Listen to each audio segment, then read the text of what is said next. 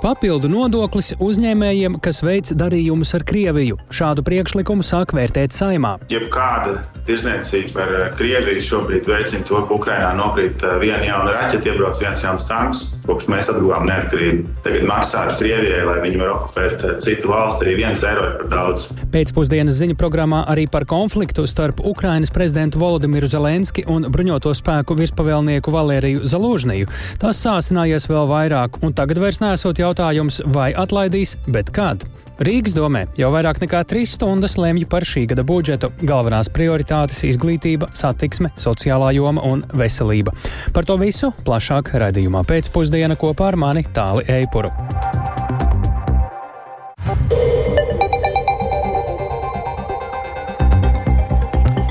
Pūkstens ir 16,5 minūtes, skan pēcpusdienas ziņu programma, skaidrojot šodien svarīgus notikumus. Studijā tālāk Eipurs. Labdien! Palielināt nodokļus darījumiem ar Krieviju līdz 90% kamēr notiek tās iebrukums Ukrainā. Šādu vairāk nekā desmit tūkstošu iedzīvotāju atbalstītu iniciatīvu gatavojas nodot sagatavošanai saimnes budžeta komisijā. Iecerēja par iespējamu plašu biznesa saišu saraušanu ar agresoru valsti ir arī politisks atbalsts saimā un valdībā. Vairāk Jāņa Kīņša ierakstā. Fonds uzņēmēju mieram decembrī pieteica kolektīvo iniciatīvu ar mērķi panākt, lai visiem maksājumiem uz Melnijā sarakstā jeb sankcijām pakļautajām jurisdikcijām, tā skaitā Krieviju, piemērotu 90% uzņēmumu ienākuma nodokli. Pašlaik tas ir 20%. Iniciatīvā vēl rosināts atcelt izņēmumu par nodokļu nepiemērošanu maksājumiem par preču piegādēm, kā arī, kamēr turpinās karadarbība Ukrainā, būtu jāaptur valsts ieņēmuma dienesta tiesības atbrīvot no uzņēmuma ienākuma nodokļu ieturēšanas. Turpina fonda uzņēmēja mieram pārstāvis Kristofs Blauss. Jebkāda tirzniecība ar Krieviju šobrīd veicina to, ka Ukrainā nokrīt viena jauna raķeita, iebrauc viens jauns tanks. Kopš mēs atguvām neatkarību, tagad maksāt Krievijai, lai viņi var okupēt citu valsti, arī viens eiro ir par daudz. Portālā Mana balss LV iniciatīvas iesniegšanai saimā nepieciešamos desmit tūkstošus parakstu savāca vien pāris nedēļu laikā, kas arī pierāda šī jautājuma aktualitāti. Šim redzējumam atbalsts ir gan ministrijās, gan saimā. Jebkura veida sadarbība veicina arī sankciju apiešanas riskus, uzsver ārlietu ministrijā. Šo domāšanu un ētikas aspektu norāda arī koalīcijas apņemšanās mēnešu laikā virzīt likuma izmaiņas Krievijas un Baltkrievijas graudu importa, bet gan ne tranzīta izbeigšanai Latvijā. Tāpēc tikšanās ar valsts prezidentu uzsver uzsvēra premjera Evika Siliņa no jaunās vienotības pateikt, ka mēs vispār nevēlamies redzēt šeit Latvijā tādus graudus, bija pats svarīgākais. Runājot par nodokļiem, ja mēs ieviestu nodokli kā pirmo, mēs nekādā veidā nesamazinātu Krievijas spēju saņemt šos labumus. Tāpēc mēs esam reaģējuši šādi. Jau sen ir teikts, ka arī kopējam tranzīta biznesam ir jāmainās. Nav nekāda ilūzija, ka tranzīta biznesa tāds, kāds viņš ir bijis iepriekš, varētu atjaunoties. Un, protams, tie lēmumi būtu daudz, daudz efektīvāki, ja visa Eiropa spētu par to pienoties. Kopš Krievijas pilna mēroga iebrukuma Ukrainā pirms teju diviem gadiem mudinājumi uzņēmējiem iet prom no Krievijas tirgus nav bijuši pietiekami. Tomēr tam ir arī pamatojums, atzīst ekonomikas ministrijas parlamentārais sekretārs Jurķis Miezainis. Mēs dzirdam nepārtraukti šos pārmetumus, kādēļ vēl joprojām kaut kas notiek. Tas ir laiks. Mums ir jāpārorientē. Un arī šobrīd mēs runājam ar šīm stevidoru asociācijām, ar infrastruktūras uzņēmumiem, prasot, ko jums vajag no valsts vēl papildus, lai daudz ātrāk mēs varētu pateikt, ka jā, mēs esam šajā maratonā un mēs ejam projām. Saima par fonda uzņēmēju mieram virzītās iniciatīvas nodošanu turpmākai izstrādē Saimas budžeta komisijā lems jau šajā ceturtdienā. Jānis Kincis, Latvijas Radio. Tikmēr valstī, kur Krievija ir iebrukusi Ukrainā, runā par pamatīgām valsts līderu domstarpībām. Ar lielu satraukumu sabiedrība Ukrainā seko līdzi prezidenta Volodimira Zelenska konfliktam ar Ukrainas bruņoto spēku virspavēlnieku Valēriju Zalužniju. Plašāk par šo situāciju esam sazinājušies ar Latvijas radio korespondentu Ukrainā Indru Sprānci. Sveiki, Indra! Kas šobrīd ir zināms par Zelensku un Zalužniju konfliktu un vai tas tiešām varētu beigties ar Ukraiņas armijas virspavēlnieka atlaišanu, kā tiek runāts. Labdien, jā, par to, kā abu augsto Ukraiņas amatpersonu attiecības saspīlējums sasniedzis jaunu virsotni, šonadēļ vēsta virkni uzticām Ukraiņu mediju. Tas viss gan balstās tādos neoficiālos avotos, valsts varas gaitiņos un Ukrainas bruņotajos spēkos, jo oficiāli komentāru par to nav. Bet uh, lietas būtība īsumā ir šāda. Pirmdien prezidents Zelenskis izsauc pie sevis Ukrainas armijas virspavēlnieku Valēriju Zalužnī un informēja viņu, ka plāno viņu tuvākajā laikā atbrīvot no amata. Kas tieši izraisīs šādu Zelenska reakciju, nav zināms, bet ir zināms, ka abu starpā jau ilgstoši pastāvējušas domstarpības, kas dažkārt izlekušas arī publiskajā telpā, un tās domstarpības ir gan tādos būtiskos jautājumos, kā turpināt cīņu pret iebrucēju, kādā veidā to darīt, gan arī kā mediji raksturo, pastāv liela savstarpēja neusticēšanās vienam pret otru, un Zelenskis pirmdien piedāvājas Zalužnijām ieņemt citus amatus dažādās sfērās, no kā Zalužnīs atteicies. Arī atlūgumu armijas virspavēlnieks pats uh, rakstīt negrasās, un informācija par šo te tikšanos un prezidenta vēlmi atlaist armijas virspavēlnieku pirmdien vakarpusē ātri nonāca publiskajā telpā, gan riņķoja anonīmos telegramu kanālos, um, kur dažkārt parādījās patiesa informācija par uh, prezidenta komandā notiekošo, uh, gan arī nonāca ciešā mediju redzeslokā, lai arī oficiāli apstiprinājumu tam vēl nav līdz šim brīdim. Un vienīgais, ko prezidenta preses sekretārs norādīja pirmdienas vakarā, ka Založņīs nav atlaists un tā patiešām ir pagaidām. Un tas, ka pēc šīs pirmdienas tikšanās līdz šim brīdim, tātad jau divas dienas nav nekāda Zelenska lēmuma, arī ir raisījis jautājums. Um, mediju telpā izskan versija, ka Zelenska rīcība varētu būt apturējuši startautiskie partneri, kas šobrīd ļoti būtiski palīdz Ukrainai, lai tā varētu turpināt cīņu pret iebrucēju un finansēt arī savas kā valsts vajadzības. Un Zalužnīs ir iemantojis starptautisko partneru uzticību un ir arī ļoti populārs šeit Ukrainā iedzīvotāju vidū. Un pēc dažām, dažādām sabiedriskajām aptaujām pat populārāks par prezidentu Zelenski. Un otrs minējums, kāpēc joprojām nav Zelenska lēmuma par atbrīvošanu, vienkārši pagaidām nesot skaidrības, ko ielikt Zalužnī vietā Ukrainas armijas vadībā. Tāda minējuma tāla. Jā, nu, kas gan varbūt no vienas puses labāks, ja bruņoto spēku līderis ir arī populārs un atbalstīts, tā skaitā sabiedrībā. Kā šie notikumi tiek uztverti Ukrainas sabiedrībā? Jāsaka, ar lielu satraukumu sabiedrība seko līdzi, un arī mediji pievērš lielu uzmanību, jo tas jau nav tikai jautājums par kādu kārtējo ierēģi nomaiņu, bet par to, kurš vadīs Ukrainas armiju, un lielā mērā arī cik sekmīgi tā varēs turpināt cīnīties pret agresoru valsts karaspēku. Vakarā vietējā telemaratonā par notikušo tika iz, izvaicāti arī divu Ukrainas parlamenta frakciju deputāti - Oleksijas Gončarenko no frakcijas Eiropas solidaritāte un Lesja Zab Zaburanna no prezidenta Zelenska Zelenska pārstāvētās tautas kalpu frakcijas. Paklausīsimies mazu fragmentiņu no viņa sacītā. Знаєте, тут дим не без вогня. Вчора дійсно були складні розмови між Зеленським і Залужним. Ziniet, tie ir dūmi, ne bez uguns. Vakar patiešām bija sarežģītas sarunas starp Zelenski un Zalužniju. Es ļoti gribētu, tas būtu vislabākais scenārijs Ukrainai, ja viņi apsēstos un tiktu skaidrībā. Tas ir absolūti normāli, ka starp viņiem var būt savstarpēja rīvēšanās un nesaprašanās. Tāda ir dzīve. Vislabākais būtu, ja šodien vai rīt Zelenskis kopā ar Zalužniju iznāktu kopīgā preses konferencē vai ierakstītu video ikvakara uzrunā. Es domāju, ka visa Ukraina novērtētu un aplaudētu. Я думаю, що вся Україна оцінила і аплодувала. Всі і в Сполучених Штатах, і у всьому світі. Visi, gan ASV, gan visā pasaulē atzīst, ka strateģiska militāra lēmuma pieņemšana, tajā skaitā kadru jautājumos un ārēji politiskos, ir valsts vadītāja prerogatīva, un viņš lieliski ar to tiek galā. Який Un, kā jūs dzirdējāt, tātad uh, Gončarenko no opozīcijas cer uz izlī, izlīgumu un Zalužnī palikšanu amatā, bet prezidenta paša partijā Zelenskam ir pilns atbalsts. Bet, protams, šis būtu smags lēmums, ja tāds tiks pieņemts. Virkne avotu Ukraiņu medijiem norādījuši, ka visdrīzāk jau bruņoto spēku virspavēlnieku atkāpšanās ir tikai laika jautājums, jo šobrīd šīs attiecības ir sāsnājušās jau tik tālu, sasniegt tāda kritiskā robeža. Noteikti sekosim līdz, kā tas attīstīsies. Jā, ir daudz dažādu versiju, kas īsti notiek uh, visā šajā procesā. Sakām paldies Indrai Sprancei tiešraidē no Ukrainas.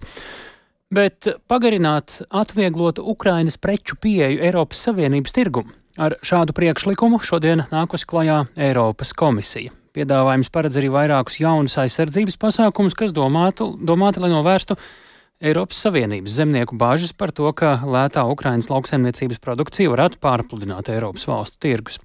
Ukrainas tematika dominējusi arī diskusijās Vašingtonā, Eiropas Savienības un ASV Tirzniecības un tehnoloģiju padomas sēdē.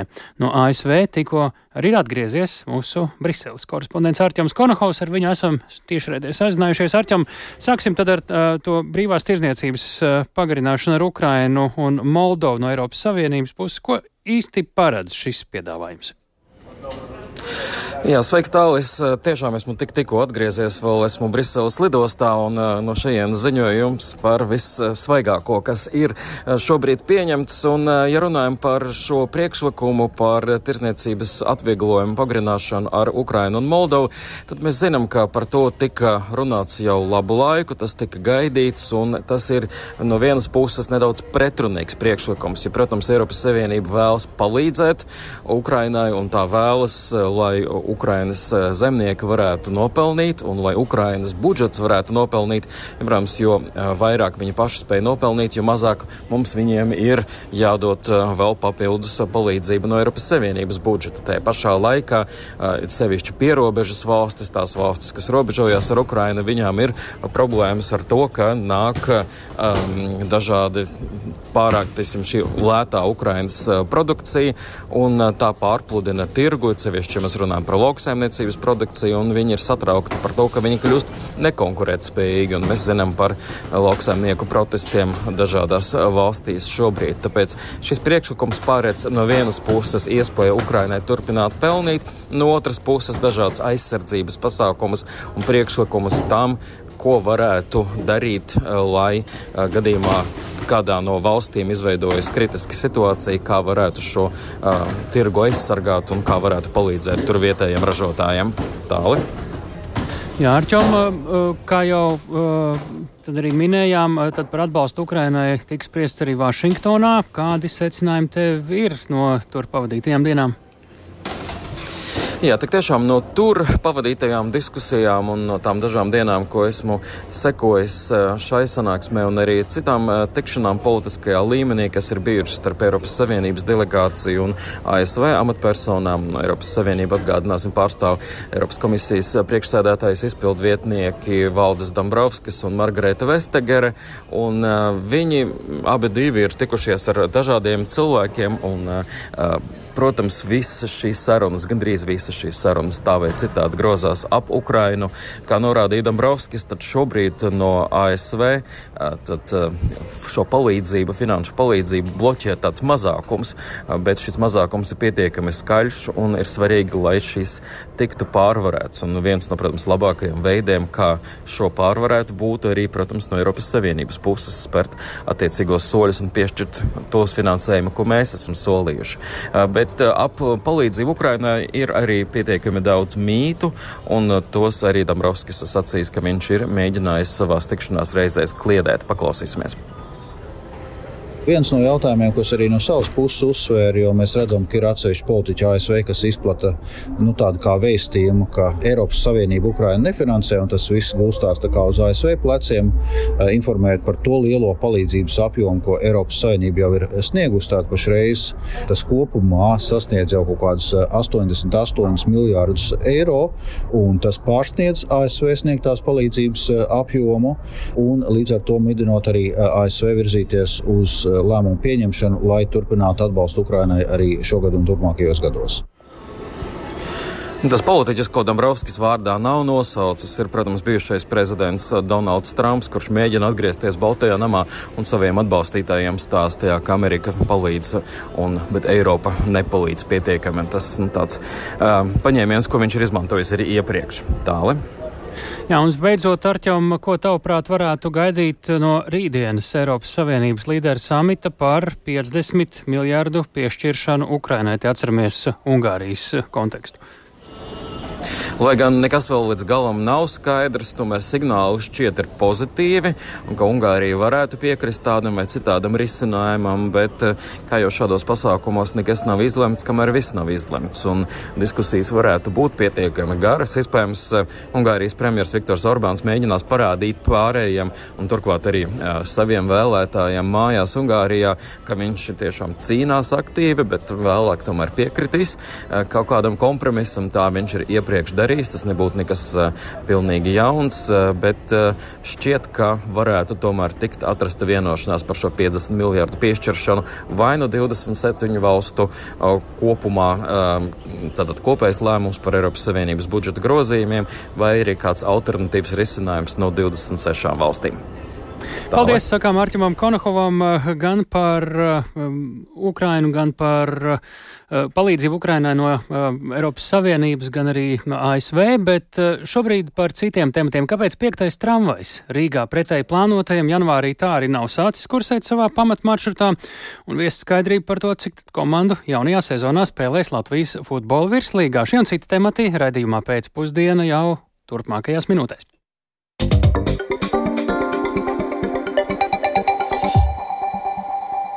Jau vairāk nekā trīs stundas Rīgas domē lemj par pašvaldības šī gada budžetu. Galvenās prioritātes - izglītība, satiksme, sociālā joma un veselība. Šīm un vairākām citām jomām pašvaldība šogad paredz atvēlēt vairāk naudas nekā pērn. Aptuveni par 100 miljoniem eiro vairāk paredzēts veltīt vairākiem investīciju projektiem. Plašāk jau to daļu eh, par līdz šim spriesto un varbūt arī turpmāk spriesto ir gatavs pastāstīt kolēģis eh, Viktors Demīdovs. Sveiks, Viktor! Ieskicē lūdzu, tad kāda ir pašvaldības šī gada plāni, ja skatās uz budžetu un kādiem projektiem naudu pašvaldība grasās atvēlēt? Labdien! No vairāk nekā 200 miljoniem eiro lielajām investīcijām vairāk naudu veltīs Kunziņas salas pārvadām dienvidu tilta ceturtajai kārtai, jeb ceļam, kas savienos Bauskas un Jelgavas šoseju. Tad vairāk nekā 24 miljonus eiro paredzēts veltīt Zemitānu tilta pārbūvēju un arī pusmiljonu eiro Vanšu tiltam. Nu, tas kā daži no piemēriem. Tas nenozīmē, ka šie objekti šogad būs pabeigti, un, bet pašvaldība tos šogad plānos iesākt un paredz īstenot tuvāko gadu laikā. Kopumā ielām, tiltiem, veloceļiem pilsēta gatavojas veltīt gandrīz 390 miljonus eiro, no kuriem vairāk nekā 34 miljonus eiro paredz uh, veltīt ielu seguma nomaiņai. Un no tiem attiecīgi vēl 34 tad sagaida atbalstu no valsts. Daļa ir pašvaldības, daļu vēl sagaida no valsts. Un, uh, ja runājam par šiem 34 miljoniem eiro, tas ir vairāk nekā pērn, kad doma paredzēja 22 miljonus eiro, bet varas maiņas dēļ izdevās, kā noprotams, mazāk. Bet rodas jautājums, vai šogad reāli varēs izdarīt vairāk darbu, vai tikai vienkārši izmaksas pieaug un tāpēc. To tad lūdzu klausāmies Rīgas mēru Vilnu Kirsi no jaunās vienotības. Tas, kas mums ir vēl pagaidām pieņemot šodien budžetu, mums nav MK noteikumi pretīm pieņemti par aizņemšanās nosacījumiem. Mēs it kā pieņemam, ka tie būs nu, līdzīgi kā pagājušo gadu, bet, protams, tajos var būt kaut kādas izmaiņas, un no tā mēs esam lielā mērā atkarīgi. Bet nu, es teiktu, ka tas apjoms tīri fiziskais tomēr ir lielāks. Jā. Tas sanāk, vairāk darbu varēs padarīt jā, par to naudu. Uh, nu, es, es tā gribētu teikt. Protams, inflācija ir faktors jā, tajos lielajos šajos objektos ir ļoti sīva konkurence, kur tur izskatās, ka nezinu, ir būvniecēji gatavi viens otram pārgrauzt eh, rīkli. Ja? Un, eh, es domāju, ka tas noteikti būs pretspiediens eh, inflācijai un spiedīs cenas uz leju. Tālūk Rīgas mērs Vilnis Čirsis no jaunās vienotības, ja mēs paraugāmies kopumā uz izdevumiem, tad tie ir mērāmi vairāk nekā pusotra miljarda eiro vērtībā.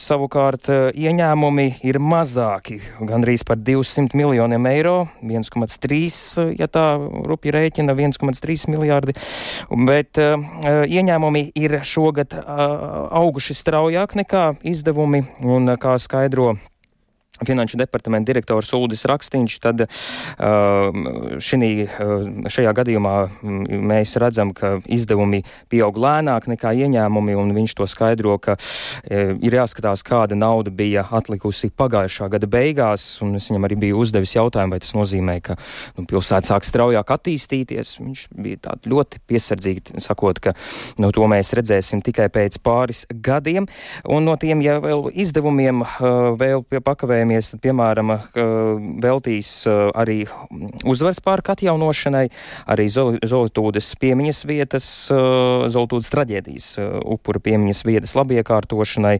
Tas ir daži no piemēriem.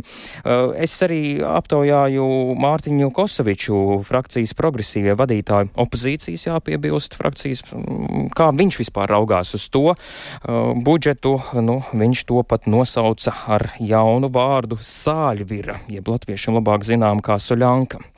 Jauns vārds un sakot, ka šajā budžetā ir pilnīgi viss iekļauts, bet arī daudz kas nav.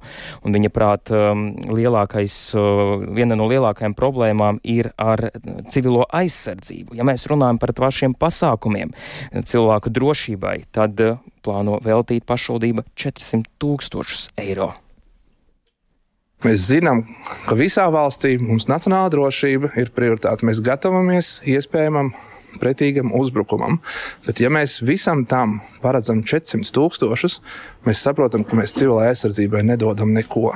Vēl vairāk civilās aizsardzības pārvaldes eksperti ir apsekojuši visas Rīgas kapitāla sabiedrības, daudzas pašvaldības iestādes un atklājuši, ka ir desmitiem vairāk tā tie saucamie bunkuri, kurus varētu labi iekārtot par salīdzinoši nelielām naudaiņām. Dzirdējām šodien no mēra, no vicemēra, ka mēs gaidīsim valdības rīcību, bet Rīga šajā laikā nerīkosies. Tālūk, frakcijas progresīvie vadītājs Mārtiņš Kosovičs, un pašlaik domē rit jau debates, vairāk nekā trīs stundas opozīcijas deputāti uzdeva jautājumus, jautājumu bija daudz, bet, vārdu sakot, šodien ir plānots pieņemt to budžetu, tad jau tālāk sekosim līdzi, kā tas viss attīstās. Iereiz par to, sakot paldies Viktoram Demīdovam, iereiz par to, kas un kā ir plānots, tad ir viena lieta pavisam noteikti, kas Rīgā šobrīd jau varam konstatēt, ka nav notikusi kā plānots. Lai Rīgā piektajam tramvajam bija jāsāk kursēt ierastajā maršrutā uz Ilģu ciemu, eh, tam bija jānotiek jau janvārī, šodien, janvāra pēdējā dienā, tas varam konstatēt, joprojām nav noticis. Kāpēc tā? Par kavēšanās iemesliem to skaidro uzņēmuma Rīgas satiksmi pārstāve Baiba Bartaševiča Feldmane. Visi aktīvie būvdarbi, kas attiecās uz pārbūves darbiem sliedes, kontaktīklus un, un pieturvietu izbūves ir noslēgušies un ir pabeigti, taču pat labam um, turpinās pārbūves darbi apakšstacijā, kas nodrošina strāvu kontaktīklā, lai tramvajs varētu veiksmīgi kursēt. Un uh, pat labam ir tā, ka apakšstacija ir jau pārbūvēta un šobrīd tiek aprīkot ar uh, jaunām un mūsdienīgām iekārtām. Darbi ir noslēguma stadijā un uh, mēs plānojam tramvaju kustību atjaunot uh, februārī februāra laikā, tuvāk februāra otrajā pusē. Pagaidām precīzi termiņu nepateikšu, mēs darām visu, lai pēc iespējas darbi noslēgtos ātrāk, bet februāra laikā tramvaju kustība ir plānota atjaunot.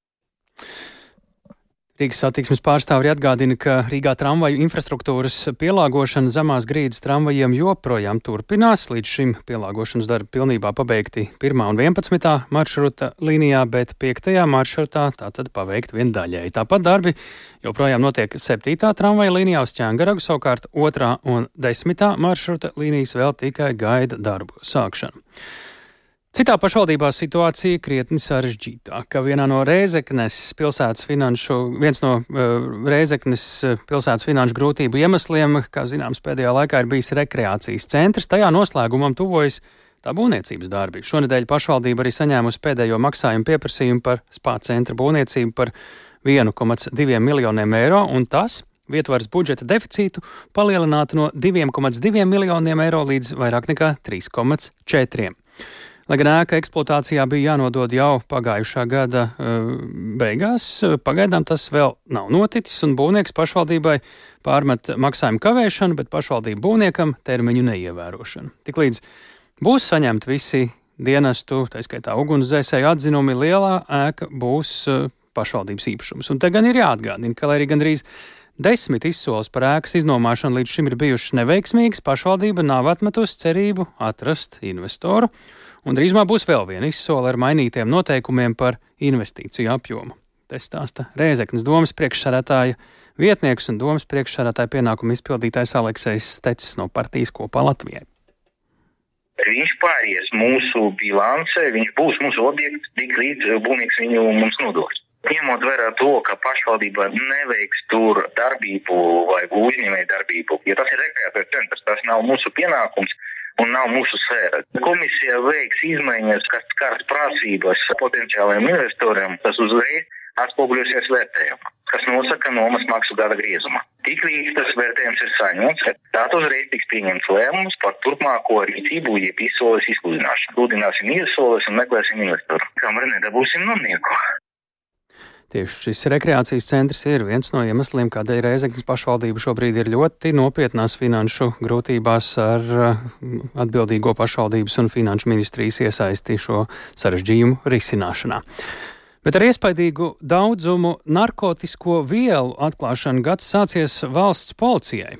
Šomēnes uzgājusi policija aptuveni 83 kg dažādu narkotiku, savukārt Latgalē atklāta vērienīga metamfetamīna laboratorija par metamfetamīna laboratoriju, par to, kā policija to atklāja un arī kā narkotiku apkarošana rit Rīgā, plašāk Agnijas Lāsdiņas ierakstā.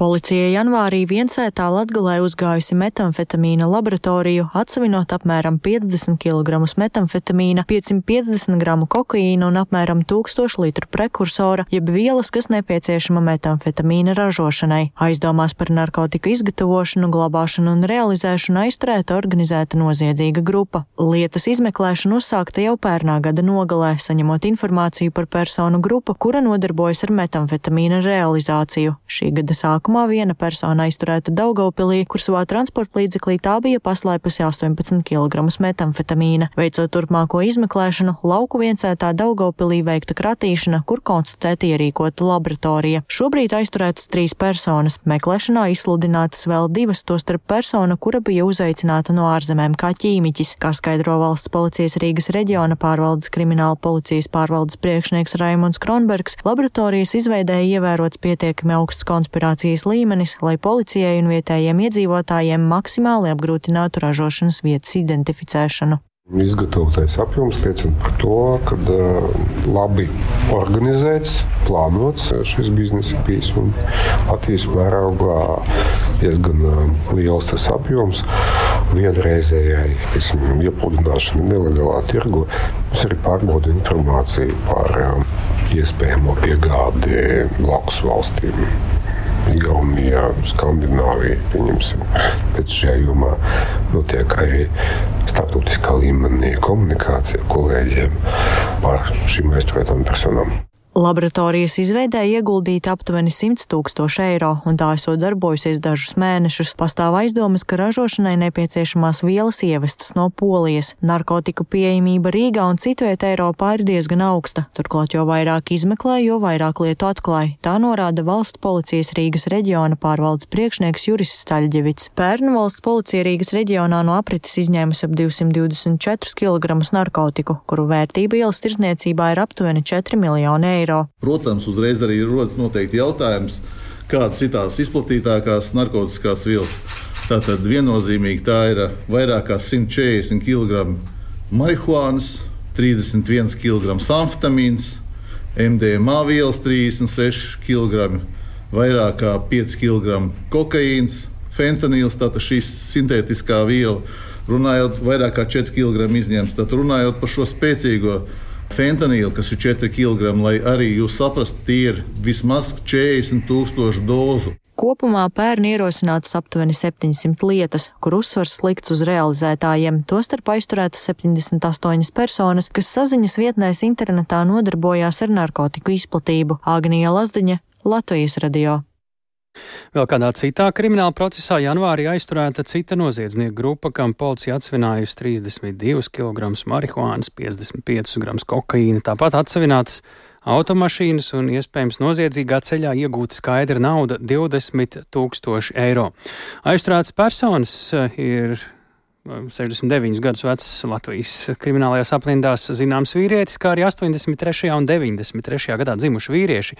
Viņi gādājuši par apreibinošo vielu nogādāšanu no Eiropas Latvijā un pēc tam par to pārdošanu šeit uz vietas. Pērn palielinājies uz dzīvi Latvijā atgriezušos skaits. Vidzemē atgriezies 181 cilvēks, un tas ir pat trīskārt vairāk nekā gadu iepriekš. Vairums atbraukuši no Lielbritānijas, Īrijas, Vācijas, Norvēģijas. Galvenokārt tās ir ģimenes ar bērniem skolas vecumā. Kāds ir šis māju ceļš, cik viegls vai cik grūts tas ir, to skaidroja mūsu vidzemes korespondente Gunta Matisone.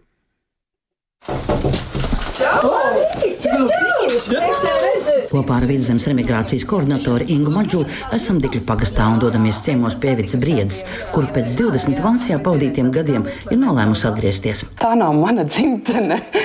Jo vecāk es kļūstu, jo man velk vairāk pie maniem vecākiem, mana ģimene, man ir nu, brālēni, māsītes šeit. Un bērniem gribas vēl šito manu daļu iedot, un ne tikai mana vīra.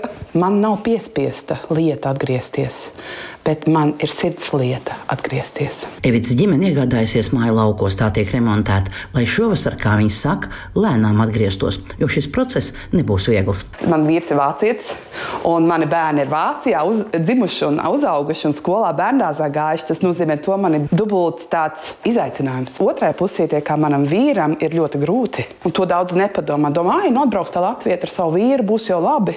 Labi, es jau te esmu uzaugusi. Bet ko nozīmē to manam vīram šeit atgriezties, un viņam nav vairs 18? Pirmais, kā vērtē Evita, ir valoda. Pirms gada bija piedāvājums kursiem attālināti, taču tie nenotika. Man vīrs pilnīgi sabruka kopā. Tas nozīmē to, ka mēs gadu tagad vēl vilkām garumā. Nu, lai atgrieztos, jo viņš saka, ka valsts valoda ir vissvarīgākā. Vidzemes remigrācijas koordinatore Inga Maģula stāsta, ka šogad iespējams būs kursi. Inga Maģula arī pat ļoti labi zina, cik svarīgi ir šī iespēja atgriežoties iemācīties valodu, jo viņas dzīves biedrs ir austrālietis. Vīrs joprojām nerunā latviešu, jo ir darbs, ir mājas un, un nav šie kursi. Pati dzīvoja Cēsīs arī mm, Rīgā, galvaspilsētā, un šie kursi nav pieejami. Bet Evitai vēl viens izaicinājums būs desmitgadīgās meitas skolas gaitas, jo vienu mēnesi jau viņa gāja vietējā skolā, un tas nebija viegli. Pirms gada, kad mana meitiņa gāja, viņa pateica pilnīgi nē. Negribu. Bailes. Tā ir valoda. Grūti viņiem bija, jo nav jau tie resursi vēl skolās, lai tādiem bērniem dotu iespēju blakus vēl valodas kursus un eh, viņiem privāti arī palīdzēt to. Viņiem laiku dot un arī attraktīvu palīdzību. Evits šobrīd var strādāt attālināti. Viņa stāsta, ka Vācijā apgūs labu izglītību, bet ir bažas, vai Latvijā izdosies atrast līdzvērtīgu darbu. Piemēram, izglītības um, atzīšana un arī pieredzes, darba pieredzes atzīšana. Piemēram, man ir pirmā augstākā izglītība pedagoģijā, bet es strādāju kā vadītāja Vācijā. Un, lai es šeit, kā direktors, strādātu, man būtu vēl divi gadi jāiet un jāstudē. Un ar 44 gadiem to darīt, nu, es godīgi pasaku, es esmu izmācījusies ļoti labās skolās, es, man ir ļoti labi diplomi. Un tas ir tas, kas man liek akmeņus ceļā, bet mana zināšanas, mana pieredze, kāpēc nedalīties ar savējiem? Šie visi ir jautājumi, kas, kā vērtē emigrācijas koordinatore Inga Maģula, būtu jārisina. Vēl pie problēmām, ar kurām saskars cilvēki atgriežoties, ir algas, sociālās garantijas un arī mājokļi. Bet skaidrojot aizdītā gada māju braucēju pieaugumu, tad būtiskākais iemesls ir vēlme bērnus laist Latvijas skolās, un arī tas, ka ekonomiskā situācija arī citviet pasaulē pasliktinājusies. Tas viss saistīts ar e- ekonomisko situāciju Eiropā, droši vien arī pasaulē.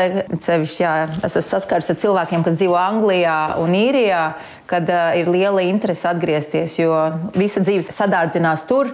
Līdz ar to jā, nu, sanāk, ka šeit, Latvijā, viņiem būtu ekonomiski izdevīgāk. Vēl šo skaitu pieaugumu Inga Maģula saist ar rūpīgāku māju braucēju uzskaitu pašvaldībās. Sāku vairāk sadarboties ar uh, pašvaldībām, ar katru vidzemes pašvaldību un lūdzu viņiem izveidot uh, datu bāzi, vienkārši sākt vākt datus par emigrantiem, kas ir aizbraukuši, atbraukuši, iespējams, vēl plāno atgriezties. Un, uh, šādā veidā man ir vairāk informācija. Jo līdz, līdz šim es tā sapratu, ka nebija veidota katrā pašvaldībā datu bāze, un līdz ar to man ir vairāk šie dati pieejami. Arī šogad vidzemē varētu būt daudz māju braucēju. Par to liecina tas, ka pērn diasporas pārstāvji aktīvi interesējušies par iespējām atgriezties Latvijā.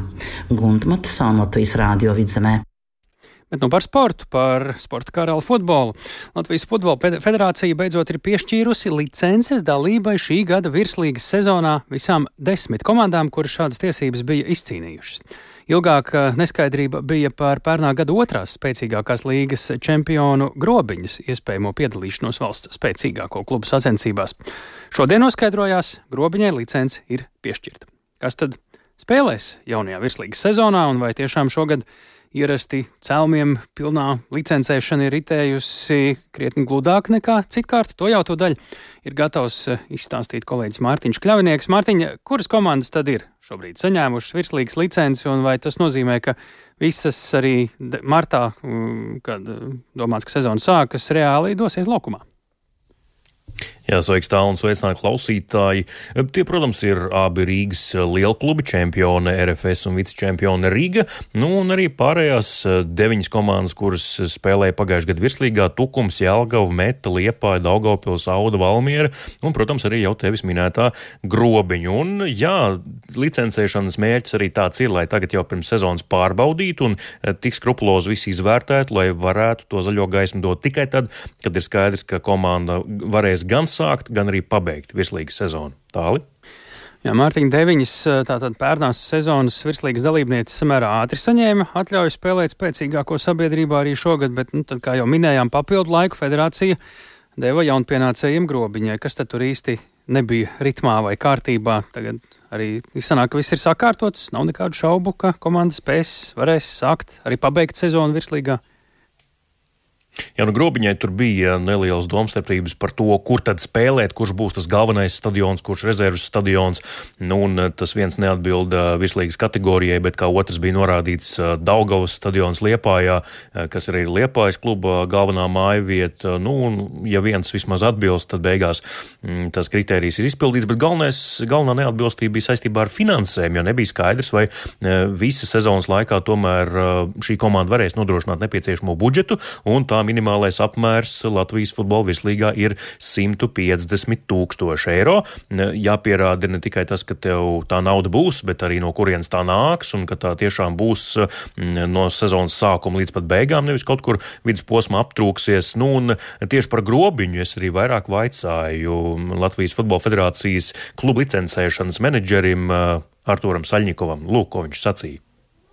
Viņiem bija problēmas ar vienu finanšu kritēriju, nu, faktiski ar vienu punktu finanšu kritērijos, kur ir klubam jāuzrāda ieņēmumi, respektīvi vismaz 150 tūkstoši apmērā, ja, nu, sezonas laikā, kā viņiem šie ienākumi saliekās, tāpēc viņiem tika dot papildus laiks, nu, nevis atteikta licence, bet vienkārši dot papildus laiks, jo tie trūkumi nebija tik būtiski. Tagad viņi ir to iesnieguši, ja viņiem ir, respektīvi, tur attiecīgās vēstules no domas, nu, garantijas, ka būs uh, finansējums.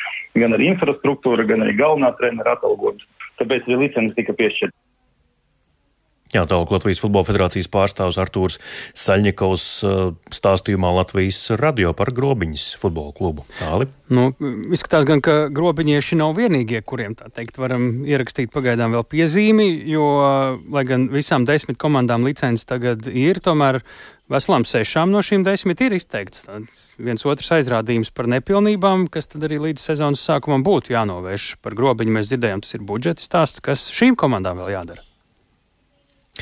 Jā, nu tā tad A licence bez nekādām, tā teikt, papildu piebildēm ir izsniegta Rigai, Tukumam un Jālgavai, tās tās priekšzīmīgākās komandas, bet jā, Meta, Liepāja, Daugavpils, Auda, Valmiera un pat čempioni RFS, tur ir savas atrunas, un kā Artūrs Saļņikovs sacīja, un es lūdzu arī pastāstīt vairāk, kas ir tie populārākie vai tādi, nu, uzskatāmākie neizpildītie kritēriji. Interesanti, ka tā nav ne nauda, ne stadioni, protams, arī kaut kas tur parādās parādās eh, fragmentāri, bet eh, lielāko vairums šīs sešas komandas vieno tas, ka nav atbilstošas kvalifikācijas vārdu sargu treneru eh, komandas sastāvā. Līdz ar to nu, tas arī ir tāds, nu, viens no mm, tādiem, acīm redzot, šobrīd Latvijas futbola klubšanas akmeņiem. Interesanta nianse, varbūt negaidīta pat futbola speciālistiem, bet tas tā, tiešām tā arī ir. Jā, un 1. marts ir tas termiņš, kad visām šīm komandām šīs nepilnības ir pilnībā jānovērš, un tad jāgatavo jāgatavojas jau sezonai. Tāli. Nu, te būtu interesanti papētīt, kāpēc tieši šāda problēma šobrīd, bet uh, ko līdz šim uh, varam teikt, tas, kā licencēšana ir ritējusi, šodien ir vēl samērā ātri vai ne īpaši, ja salīdzina ar citām sezonām? Un, nu, gal galā, kad tad sāksies tā sezona? Mēs pieminējām martā, tev droši vien ir konkrētāk zināms. Eh, parasti sāks eh, marta otrajā dekādē. Pagaidām eh, kalendārs nav publicēts, bet es domāju, ka jā, tie būs marta 11. datumi. Nu, jā, arī Artūrs Saļņikovs uzsver, ka šis ir tāds diezgan gluds process bijis, un klubi ir arvien saprotošāk, kāpēc šis licencēšanas process ir vajadzīgs un izpildu kritērijus jau apzinīgi un pat priekšlaikus dažkārt. Līdz ar to nu, atceramies, ka pavisam nesen pirms pāris gadiem vēl bija sezona, kad sezonas laikā, sezonas vidū komanda izpildīja kritērijus kritērijas un ielietas čempionātā, pēc tam atkal tika diskvalificēta pēc dažām spēlēm. Tādu nekārtību vairs Latvijas futbolā eh, ļoti labi, ka nav. Sakām paldies Mārtiņam Kļaviniekam, kad nāks sezona tuvāk, tad arī mēģināsim prognozēt, kāda tā varētu izskatīties tīri sportiskā ziņā par favorītiem un outsideriem vai līdzīgi un jaunpienācējiem, bet šobrīd sakām paldies, ka klausījāties Latvijas radio viens ziņu raidījumu pēcpusdienu. To veidojām mēs Tālis Eipurs, Lauris Veinieks, Uldis Grīmbergs, Katrīna Bramberga, un ja vēlties šo raidījumu klausīties sev vērtā laikā, ņemiet Latvijas radio mobilo lietotni vai straumēšanas platformas, meklējiet dienas ziņas. Tiekamies rīt pēc četriem un un piecās. Yeah.